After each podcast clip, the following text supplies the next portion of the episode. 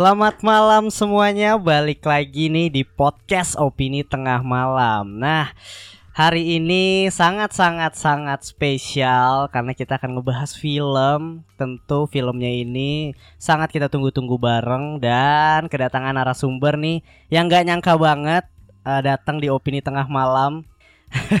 Boleh dong dikenalin ada Mas Rian Adriandi. Halo semuanya pendengar. pendengar ya? Sebutannya apa sih? Iya pendengar. Pendengar kan?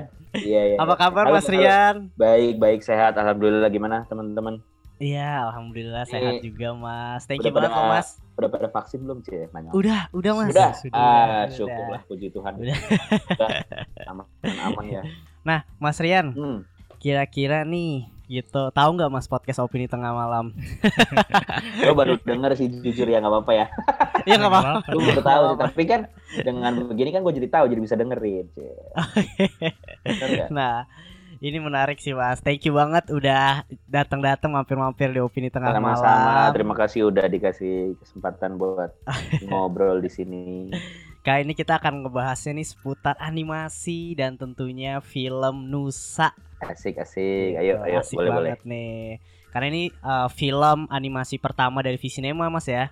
Betul. Betul. Mhm. Dan gue mau ngucapin juga Mas, selamat nih untuk film Nusa dan kemarin sempat baca katanya tayang premier di Korea Selatan. Bener nggak Mas? Iya Bucheon. betul. Kita Wah. eh, jadi official selection festival Bivan itu Oke. eh Bucheon tuh bacanya gimana ya? Bunchen ya, Bunchen Iya, iya. International Fan Fantastic Film Festival yang ke-25 gitu. Kita eh, film Wow. saya itu terpilih buat kategori film keluarga gitu. Oke. Jadi eh, sebelum tayang di Indonesia ditonton di sana dulu, tayang duluan di sana, makanya disebutnya world premiere ya, gitu. tapi keren banget sih bisa ditayangin di festival film Korea ya. Itu berapa Iya. lama Mas ditayangin di situ? Itu dia kalau nggak salah eventnya tuh dari tanggal cuma berapa ya kayak dua minggu gitu deh. Gua gua kurang yakin ya tanggalnya. Gua agak lupa ntar coba Hmm. dicek aja di websitenya Bifan. Pokoknya selama bulan Juli deh. Nih Mas, gue pengen nanya nih Mas. Mm-mm. Kan gue juga awal banget tau lu kan dari Suci gitu loh. Waduh, Pasti ya. Waduh. lama. Malam Minggu Miko juga. Waduh, lama juga. Nah menariknya adalah sekarang lu kan udah jadi head of animation development gitu dan sebagai animator juga. Sebenarnya trigger lu tuh apa sih mas? Tiba-tiba memutuskan untuk menjadi animator gitu? Sebenarnya tuh gini, eh, ini tapi ceritanya jadi personal nggak apa-apa ya. Gak apa-apa mas. Jadi sebenarnya nggak sebenarnya nggak ada trigger. Justru justru memang sebenarnya menjadi eh, animator atau bikin film animasi atau dulu gue sebenarnya taunya namanya adalah film kartun gitu kan. Maksudnya nggak tahu Oke. itu animasi itu memang sudah sudah cita-cita dari kecil banget, maksudnya dari pengen lama banget gitu. Nah, Iya. sebenarnya tempat-tempat yang lu mengenal gue itu seperti Mhm. Suci, seperti Malam Minggu Miko itu justru apa ya kesempatan-kesempatan yang hadir di tengah perjalanan gue pengen menjadi animator gitu. Oke. Jadi Oh, kalau triggernya heeh. itu sih, eh, wah ini kecil banget sih waktu gue umur 4 tuh gue nonton eh, film Lion King. Tapi di Oke. bioskop gitu. Jadi gue tuh nonton Lion King di bioskop, terus itu kayak gue inget banget itu ulang tahun. Jadi ulang tahun nonton itu, terus gue takjub aja gitu. Itu pertama kalinya gue ke bioskop Hmm, hmm, hmm. pertama kalinya ke bioskop nontonnya Lion King terus kayak apa ya eh, ya kagum aja gitu bisa ada tontonan seperti itu terus gue ya kayak membatin gitu pengen suatu hari bisa bikin kayak gitu Apakah itu film pertama lo tapi Mas film kartun pertama maksudnya yang film ditonton? pertama jadi gue pertama kali Oke. pertama kali nonton di bioskop tuh Lion King tahun 94 dan gue waktu itu Wow. kayak berpikir wah nih TV-nya gede banget ya gitu konsep Sejak layar nonton itu langsung langsung langsung into dunia animasi gitu ya? Ya maksudnya setelah itu eh, apa namanya, gue mulai nonton-nonton ya Tom and Jerry, Hmm, macam-macam iya. lah gitu. Hmm. Maksudnya setelah itu sambil tumbuh ya jadi suka baca komik, jadi suka nonton kartun. Jadi eh, interestnya memang ke sana gitu. Oke. Nah, triggernya sih itu sebenarnya. Gitu. Tapi keren sih maksudnya biasa kan ada orang yang punya passion ini terus tiba-tiba misalnya uh, punya kerjaan lain nih. Terus Hmm. udah nyaman di kerjaan lain itu jadi melupakan passionnya tapi Mas Rian case-nya tetap ngejar passionnya keren sih. Wah terima kasih banyak. Ya sehingga sih gue sih gue sih merasa beruntung ya. Maksudnya itu tuh Mm-mm. itu tuh beruntungan yang gue juga eh, tidak bisa pungkiri gitu maksudnya ketika sudah ada jalannya untuk berkarir di komedi gitu kemudian ya udah gue jalanin aja apa yang ada pada saat itu gitu gak nggak gue serta merta tinggalkan tapi ketika eh, dua atau tiga tahun ya gue Mhm. berkarir di komedi tuh terus gue iseng kayak karena apa ya bisa apply beasiswa gitu coba ya karena kan kan sekarang kayaknya CV-nya Iya iya. cakep nih gitu Hmm. Hmm. ternyata jadi bisa gitu Iya. Dan sekarang Mas Rian kan udah jadi Head of Animation Development Mas. Itu kalau Mm-mm. boleh tahu tanggung jawabnya itu seperti apa ya Mas kalau Head of Animation? Oke, jadi di visi nama itu kan eh, sebenarnya divisi animasi ini tuh eh, dirintis nih, baru dirintis gitu. Ah, jadi ah. yang namanya animation development adalah kita akan mengembangkan apa pun eh, bentuk konten apa pun yang mediumnya itu adalah animasi. Karena kan ini medium yang Hmm, berbeda ya hmm, dari film Hmm. live action gitu. Jadi eh, medium ini akan kita coba kembangkan dengan eh, berbagai macam konten, mau itu IP original yang kita develop sendiri di dalam, atau itu eh, IP kerjasama seperti yang kita lakukan dengan Nusa, dan mungkin juga Mhm. ada IP lain lagi nih yang kita belum bisa sebut apa, tapi eh, kita baru saja ya salaman lah gitu sama sebuah IP gitu Oke. untuk jadi satu anim konten animasi lagi atau juga kita bisa karena kan eh, apa ya dia ini medium yang sangat versatile gitu ya sangat bisa diapa-apain gitu jadi eh, itu yang kita coba lakukan di di visi nama animation gitu karena sebenarnya bakat Mhm. animasi di Indonesia tuh banyak banget guys banyak Iya. banget Oke. dan dan eh, apa ya sumber-sumber gimana kita bisa mendapatkan orang-orang bertalenta ini juga banyak banget gitu sekolah-sekolah Mhm. terutama SMK Mhm. gitu ya wah gila sih kalau ng- gua ngeliatin portfolionya terus kan gua datang Hmm. tuh ada contohnya kayak SMK di Kudus ada di Malang itu juga secara metode Hmm. pembelajaran ilmu yang diajarin tuh udah Mhm. pada jago-jago men jago-jago banget Oh, gitu Nah Iya, itu betul makanya sih, kita, betul. melihat ada pe- peluang itu kan makanya Mas Angga Sasongko CEO-nya Visema waktu itu ngajak gua ngobrol gitu bahwa apa sih menurut lo eh, potensi animasi gitu karena dia tertarik untuk bikin Visinema animation gitu ya udah gue bilang gue bersedia bantu kok kalau kita mau develop Oke. itu makanya dijadiin lah gue head of animation development gitu. Eh, selain menjadi head of animation tadi kan Mas Rian juga jadi salah satu produser ya di film Nusa. ya betul Ini pertama kali jadi produser atau sebelumnya udah ada pengalaman nih Mas? enggak nih gue pertama kali jadi produser Ah, kalau boleh tahu seberapa terlibat ya kalau jadi produser itu ke proses produksinya Mas, ke Oke. lapangannya gitu. Jadi gini, kan di eh, Nusa ini kan adalah project eh, kolaborasi ya Hmm. antara dua entitas. Yang satu adalah Visinema Animation, satu lagi adalah studio The Little Giants. Yang mana The Little Giants itu kan yang punya intellectual propertinya Nusa, mereka yang bikin Mhm. seriesnya, mereka yang create gitu kan. Hmm. Lalu Visinema datang dengan eh, penawaran kerjasama gimana kalau kita bikin layar lebarnya gitu loh. Jadi Iya. Oke. Ah, jadi dari story dari eh, naskah versi panjangnya, karena kan kalau misalnya semua teman-teman pendengar tahu dan eh, udah pernah nonton gitu ya, Nusa itu kan sebenarnya aslinya dari sebuah serial, ya kan? Iya. Hmm. Serial di YouTube yang formatnya itu eh, edutainment, education, entertainment, yang mana Oke. eh, episode-episodenya pendek gitu dan memang kan Hmm. fokusnya adalah eh, edutainment Islami gitu kan sehingga Mhm. kalau teman-teman nonton serialnya di YouTube memang itu episodenya tuh eh, 3 sampai 5 menit lalu cuma berfokus di misalnya kayak adab makan bagaimana cara Mhm. menyapa gitu-gitu kan Hmm. sementara kan kalau kita mau bikin yang namanya film apalagi dengan durasi layar lebar durasi film panjang kan nggak mungkin dong dengan format seperti itu gitu kan harus dengan sebuah cerita harus harus ada penebalan karakter nah di kerjasama ini itu tanggung jawabnya kami di Visinema Oke. Hmm. ide cerita eh, kita diskusikan kita brainstorm bareng-bareng di dalam Visinema Animation tuh kita punya writers room kita punya writers room namanya Scriptura jadi teman-teman dari Little Giants datang ke sana kita semua diskusi jadi nanti eh, produksinya akan mereka handle tapi promotion distribusi ke bioskop ataupun ke platform lainnya sama cerita filmnya sendiri Oh. itu eh, Visinema yang bertanggung jawab. Nah, posisi saya ini sebagai yang namanya co-producer. Kenapa namanya co-producer? Karena produsernya itu memang ada tiga. Jadi satu dari Little Giants namanya Mas Riki, dua dari Visinema, satu Mbak Anggia Karisma, satu lagi saya. Nah, Hmm.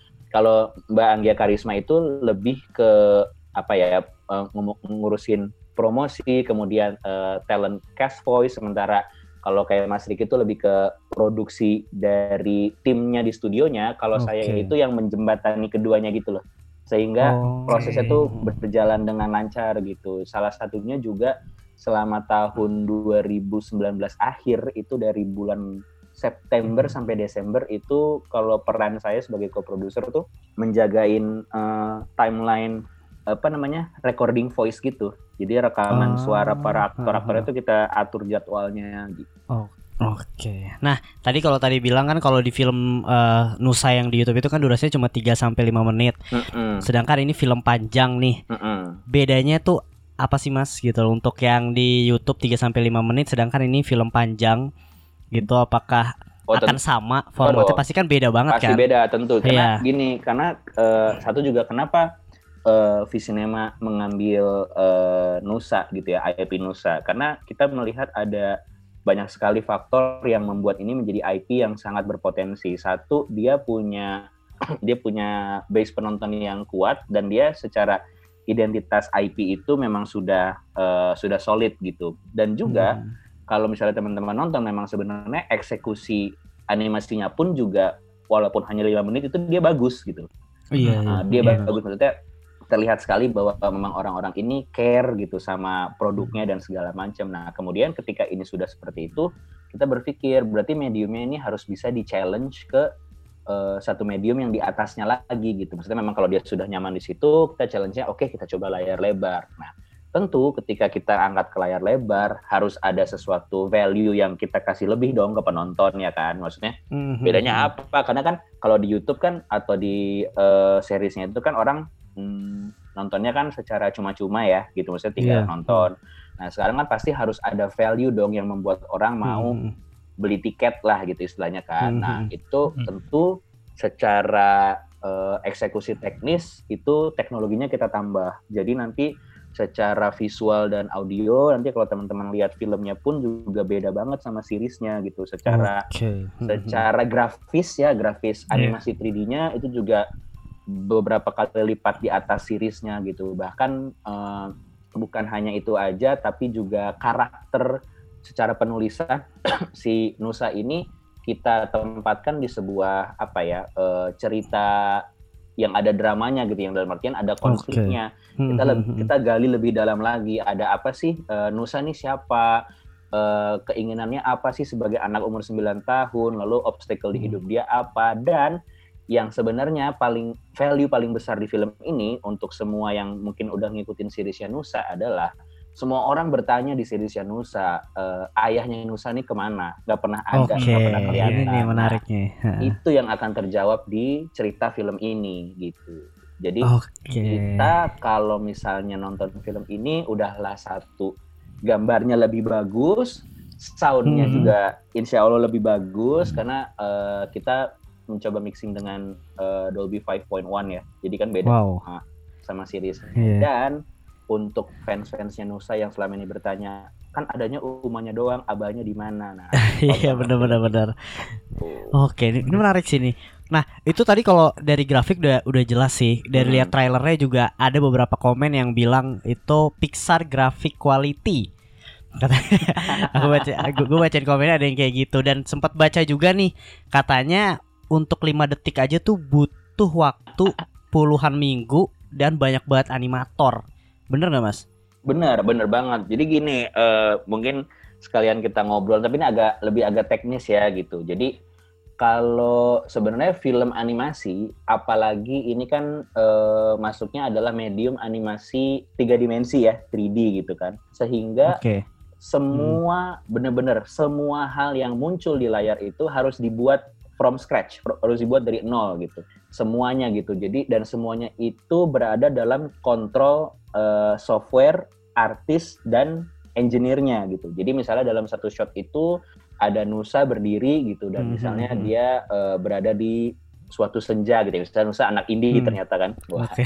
jadi Nusa berada dalam suatu senja. Nah, itu semua yang ada di layar itu environmentnya Nusa, clothingnya Nusa, kulitnya Nusa, rambutnya. Hmm. Kalau misalnya ada simulasi lighting matahari atau segala macam itu semua harus dibikin gitu dan harus di Oke. dilakukan dari eh, proses di softwarenya gitu. Nah itu memang membutuhkan waktu yang sangat lama sekali karena yang paling lama itu adalah proses rendering kan pasti teman-teman juga pasti pernah bikin video Yes. dong ya kan. Ah, Iya. benar. Ketika kita ngerender itu kan semua data dihitung ya sama software kan gitu, Hmm. gambar dan audio. Nah dia juga menghitung semua simulasi. Oh di shot ini oke gua render rambutnya, gua render kulitnya. Ini saya ibaratnya gua software ya, gua ngomong gitu Hmm. gue render simulasi partikelnya, apakah Nusa tiba-tiba kena hujan atau ada air. Nah itu tuh dan itu hanya itu satu frame aja gitu. Sementara film itu kan 24 frame per detik ya.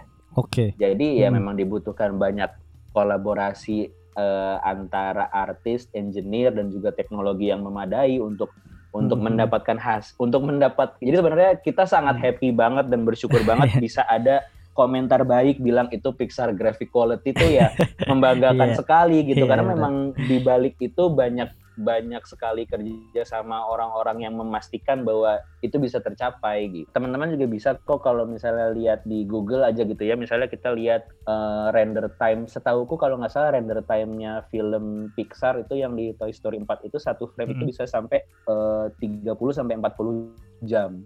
Satu frame Wow. ya gitu. Itu PC cuma itu kan PC-nya ah, cuma mereka mereka aja. tuh punya cuma mereka punya render farm. Jadi Iya. eh, rendernya bisa berbarengan gitulah. Mereka udah kayak punya mesinnya sendiri gitu. Jadi memang eh, ngerender itu lama banget gitu, guys. Ya, cuma yang dari kita lihat di trailer itu udah kelihatan banget sih dari teksturnya. Jadi teksturnya nggak cuma 2D doang ya sampai kelihatan apa ya bulu-bulu halusnya Iya, di iya, iya. bajunya lah. Dan di pecinya tekstur sih. kain ya, kayak tekstur fabriknya dan segala macam. Itu peningkatan banget sih dari animasi-animasi dalam negeri yang sering kita tonton sebenarnya. Amin, amin. Semoga, Iya benar-benar. semoga. Teman-teman udah pada udah pada lihat trailernya? Udah Udah. dong. Oh, ini dalam waktu dekat kita eh, insya Allah akan rilis trailer kedua. Wih. Oke, jadi tunggu. Nah, berarti kalau dari kesulitannya dan lain sebagainya tuh total produksinya tuh berapa lama Mas kalau untuk film animasi untuk Nusa ini? Untuk Nusa aja ya spesifik ya. Iya, untuk Mm-mm. Nusa. Kita hampir tiga tahun Wow. ngerjain ini gitu. Itu full Karena dari kita develop ya dari dari awal eh, pokoknya awal pre-pro sampai post ya. yes kita awal eh, setuju untuk berkolaborasi itu 2018 akhir. Kemudian Hmm. Januari 2018 kita mulai development cerita dan skrip. Skripnya itu selesai di bulan Juni 2019. Kemudian eh, dari Juli sampai Agustus itu kita casting dan kita reading. Kemudian September sampai akhir 2019 itu kita ngerekam suara. Karena gini, pembuatan animasi Mhm. yang benar itu voice itu di take di depan. Jadi Hmm. Oke. animasi itu yang mengikuti suaranya. Jadi bukan kita bikin animasinya terus orangnya dubbing Iya, iya. kayak gitu. Jadi kita eh, semacam bikin kayak kayak gini nih, kayak kita bikin rekaman Hahaha. audionya dulu, Mm-mm. terus kita edit sehingga seperti kayak sandiwara drama radio gitu ya.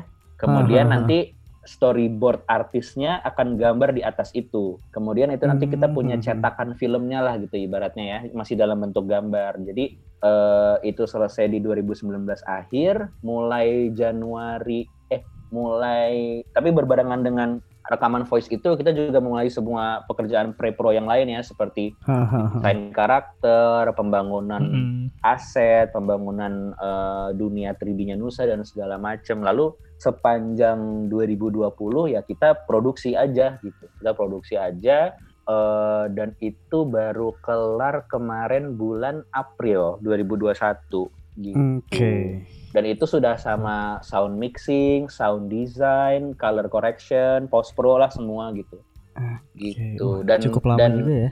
Iya lama sebenarnya Heeh. ini untuk film animasi layar lebar ini tuh termasuk sebentar dan cepet banget loh tiga tahun tuh gitu. Kalau Iya. Oh, kalau iya, teman-teman benar, bisa benar. mau Wikipedia atau cari di internet ya Hmm. misalnya contoh ya Coco ya Coco filmnya Pixar Hmm, itu hmm, produksinya enam tahun. Wow. Terus eh, lihat aja gitu saya Toy Story 4 tuh kalau nggak salah 4 sampai 5 tahun gitu. Karena ya Hmm. eh, memang ya begitu memang prosesnya tuh memang Iya harus satu-satu gitu Hahaha. karena Hmm. eh, beda sama film eh, live action ya gitu maksudnya dalam artian eh, setiap framenya itu kan direkam ya aktornya itu kita Mhm. suruh berakting dan kita merekam kejadian real time gitu sementara Mhm. di animasi itu setiap framenya harus kita yang buat gitu Iya sih benar menarik sih. Mm-mm. Tapi dari eh, apa semua kekerenan tadi tuh yang dicapai di renderingnya Nusa, pengalaman kerja sama yang Little Giants tuh gimana nih Mas? Mengingat ini kan project gedenya mereka ya, project besar animasi termasuk yang pertama ya layar lebar dan bisa dapat kualitas yang sebagus itu itu gimana Mas kerjasama dengan mereka dengan talenta dalam negeri? Iya, jadi eh, mungkin perlu kita infoin juga ya bahwa semua animator yang ngerjain di film Mhm. Nusa ini 100% orang Indonesia. Wow. Semuanya orang Indonesia. Eh, artisnya, engineersnya orang Indonesia. Kita nggak ada dibantu sama luar negeri sama sekali. Semuanya di Indonesia dan, dan itu memang eh, udah hebatnya orang-orang di The Little Giants ya. Mhm. Eh, mereka memang sudah mendevelop dan mereka mau ngulik gitu. Maksudnya mereka mau cari orang-orang yang memang bisa mengulik software dan semua simulasi di software 3D ini untuk mendapatkan si kualitas itu gitu. Dan Mhm. kemudian Iya. memang kalau misalnya dapat kayak gambar seperti itu, habis itu mereka harus kalkulasi nih, oke ini render time-nya berapa dan segala macam gitu. Jadi itu Hmm, memang iya. sudah Hmm. passionnya mereka gitu ya. Maksudnya mereka memang Hmm. kayaknya sebagai studio animasi ya memang harus eh, mencari yang ter- kualitas yang terbaik kan gitu. Dan mungkin Hmm, ketika ketika mereka sudah besar sebagai serial dan kesempatannya datang eh, sebagai layar lebar juga mereka juga memanfaatkan itu dengan sangat semangat gitu. Saya sih ngelihat Iya, teman-teman di Hmm. Little Giant sih motivasinya luar biasa banget ya. Datang pagi banget, kadang-kadang sampai tengah malam gitu masih ngerjain. gitu. Studio Terima dalam negeri bisa nonton ya nanti nonton ya. pastinya Wajib dong kalau ini. Nah, ini nih Mas mau yang mau gue tanyain lagi. Ini terkait film Nusa ini Hmm. eh, segmennya ha- apakah hanya untuk anak-anak aja? Apakah nanti orang dewasa pun juga bisa nikmatin nih film Nusa ini dari segi cerita dan lain sebagainya? Kalau target penontonnya sebenarnya yang utama adalah keluarga. Jadi Oh, anak dan orang tua. Jadi tentu orang dewasa juga bisa nonton karena di sini eh, bukan hanya ada karakter anak-anak tapi juga ada beberapa karakter dewasa yang diisi suara seperti Cie kasih tahu nggak ya belum boleh gitu nanti kita umumin kok.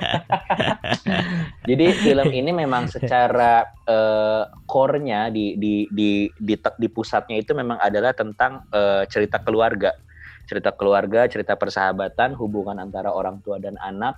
Jadi film Hmm. ini eh, satu punya banyak sekali eh, hiburan dan punya banyak sekali apa ya tampilan visual yang pasti menarik untuk anak-anak.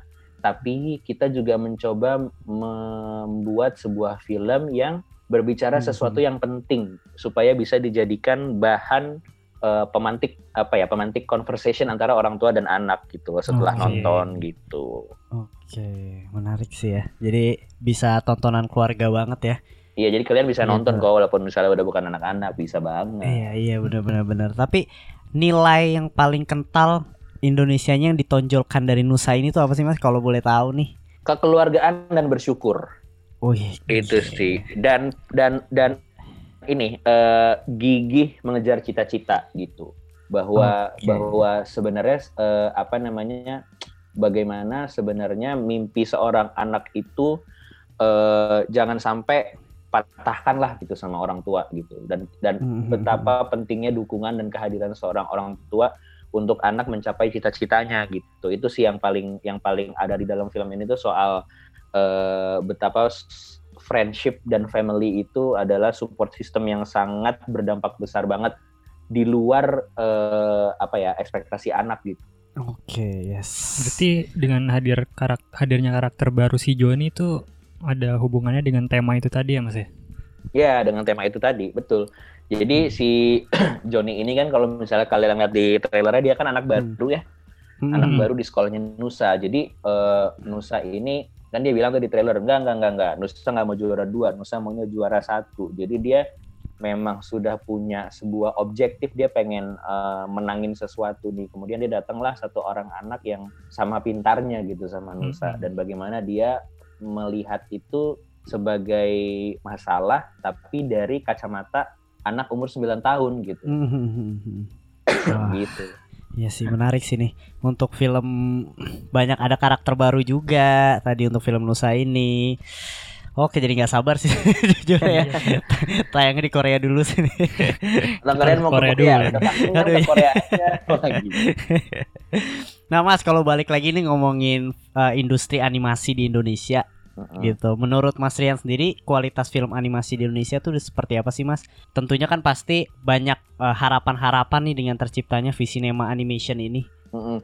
Eh, aku sih sangat optimis ya. Gue sih sangat optimis banget. Hmm. eh, animasi di Indonesia itu punya masa depan. Bukan hanya dari kreatornya, tapi juga Hmm. bagaimana penontonnya tuh mulai eh, membuka mata atas Hmm. potensial medium ini. Dan itu yang gue happy banget karena udah makin banyak sekarang eh, animator-animator yang Hmm. satu mungkin bergabung juga dengan studio besar dan membuat produksi besar gitu ya. Kalau misalnya teman-teman lihat ada banyak banget eh, serial yang juga sudah diangkat ke film seperti eh, Adit. Sapo Jarwo itu juga udah jadi Iya. movie dan segala macam.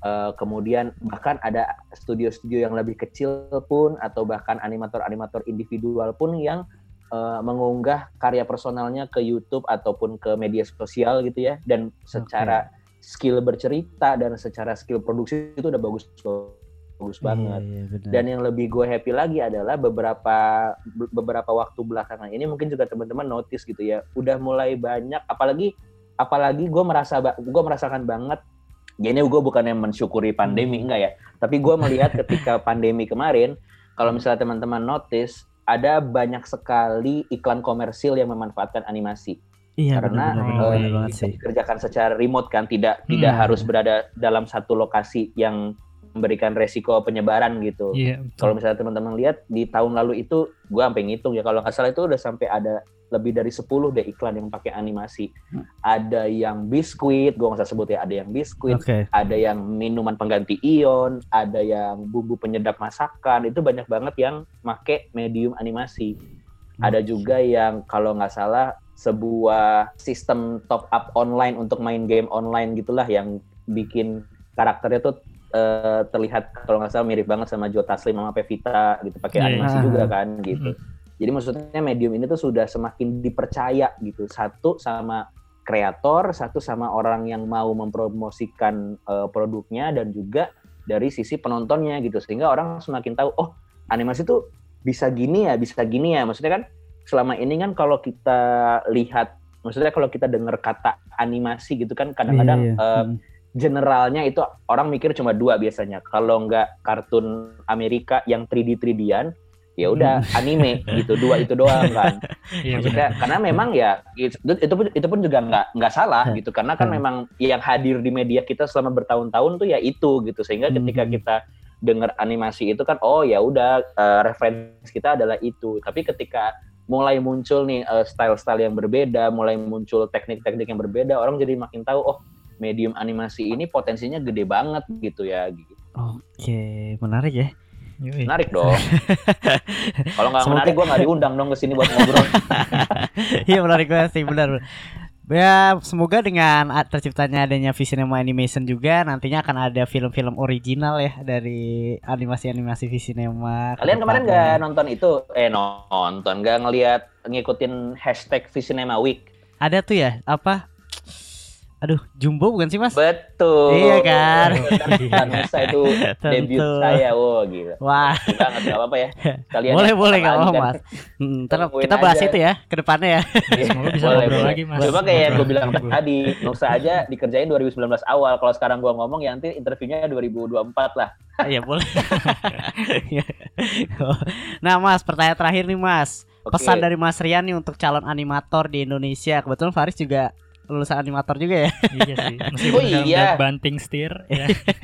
Mana dong lihat portfolionya. Waduh. Siapa tahu ntar lo bisa jadi animator terus lo tinggalin temen lo ini biar dia podcast sendirian. Waduh. Ya.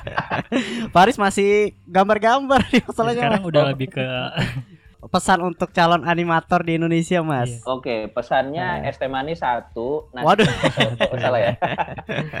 Pesannya sih menurut gue eh, jangan patah semangat karena masa depannya ada banget di industri kita itu dan semoga eh, dengan hadirnya film Nusa ini bisa menjadi pembuktian gitu ya untuk banyak orang Mhm. sehingga makin banyak lagi lapangan kerja untuk animator yang semakin terbuka. Jadi uh, menurut gue kalau misalnya teman-teman di luar sana memang sedang ada yang punya cita-cita jadi animator dan sedang uh, mempelajari bagaimana caranya membuat film animasi, terus aja bikin karya, uh, terus belajar gitu. Dan jangan ini jangan takut salah, jangan takut jelek gitu. Karena yang namanya animasi itu berproses dan uh, kalian gak sendirian gitu. Dan banyak banget sekarang itu sumber sumber-sumber ya seperti ini seperti podcast, seperti tutorial online dan segala macam di mana kalian bisa uh, memperkaya ilmu untuk diri kalian sendiri gitu. Jadi jangan jangan ragu-ragu untuk terus menambah ilmu buat animasi dan dan terus yes. uh, semangat dan tetap punya harapan itu aja sih. Oke, thank you nih Mas Rian ya iya. untuk untuk pesan-pesannya untuk para animator di Indonesia dan untuk sharingnya tentang film Nusa ini. Ditunggu ya Mas. Iya. Film Nusa ini segera Terima kasih teman-teman podcast Opik yes. malam. sukses terus untuk Mas Rian dan amin, sukses amin. juga untuk film Nusanya gitu. Nanti ketika udah tayang, Opini Tengah Malam akan review film Nusa. Siap, okay. ditunggu banget, ditunggu banget guys. Oke. Okay. Oke, segitu aja mungkin untuk podcast hari ini. Boleh nambahin satu lagi nggak? Boleh, boleh, boleh banget mas. Jangan lupa pakai masker, cuci tangan, hindari kerumunan. Oke, okay, guys? Yes, iya betul. Tetap patuhi protokol-protokol kesehatan. Tentunya, ya. betul. Ya. Oke, kalau kayak gitu para pendengar, thank you banget yang udah dengerin sampai sekarang. Mungkin sampai ketemu di episode berikutnya. Bye.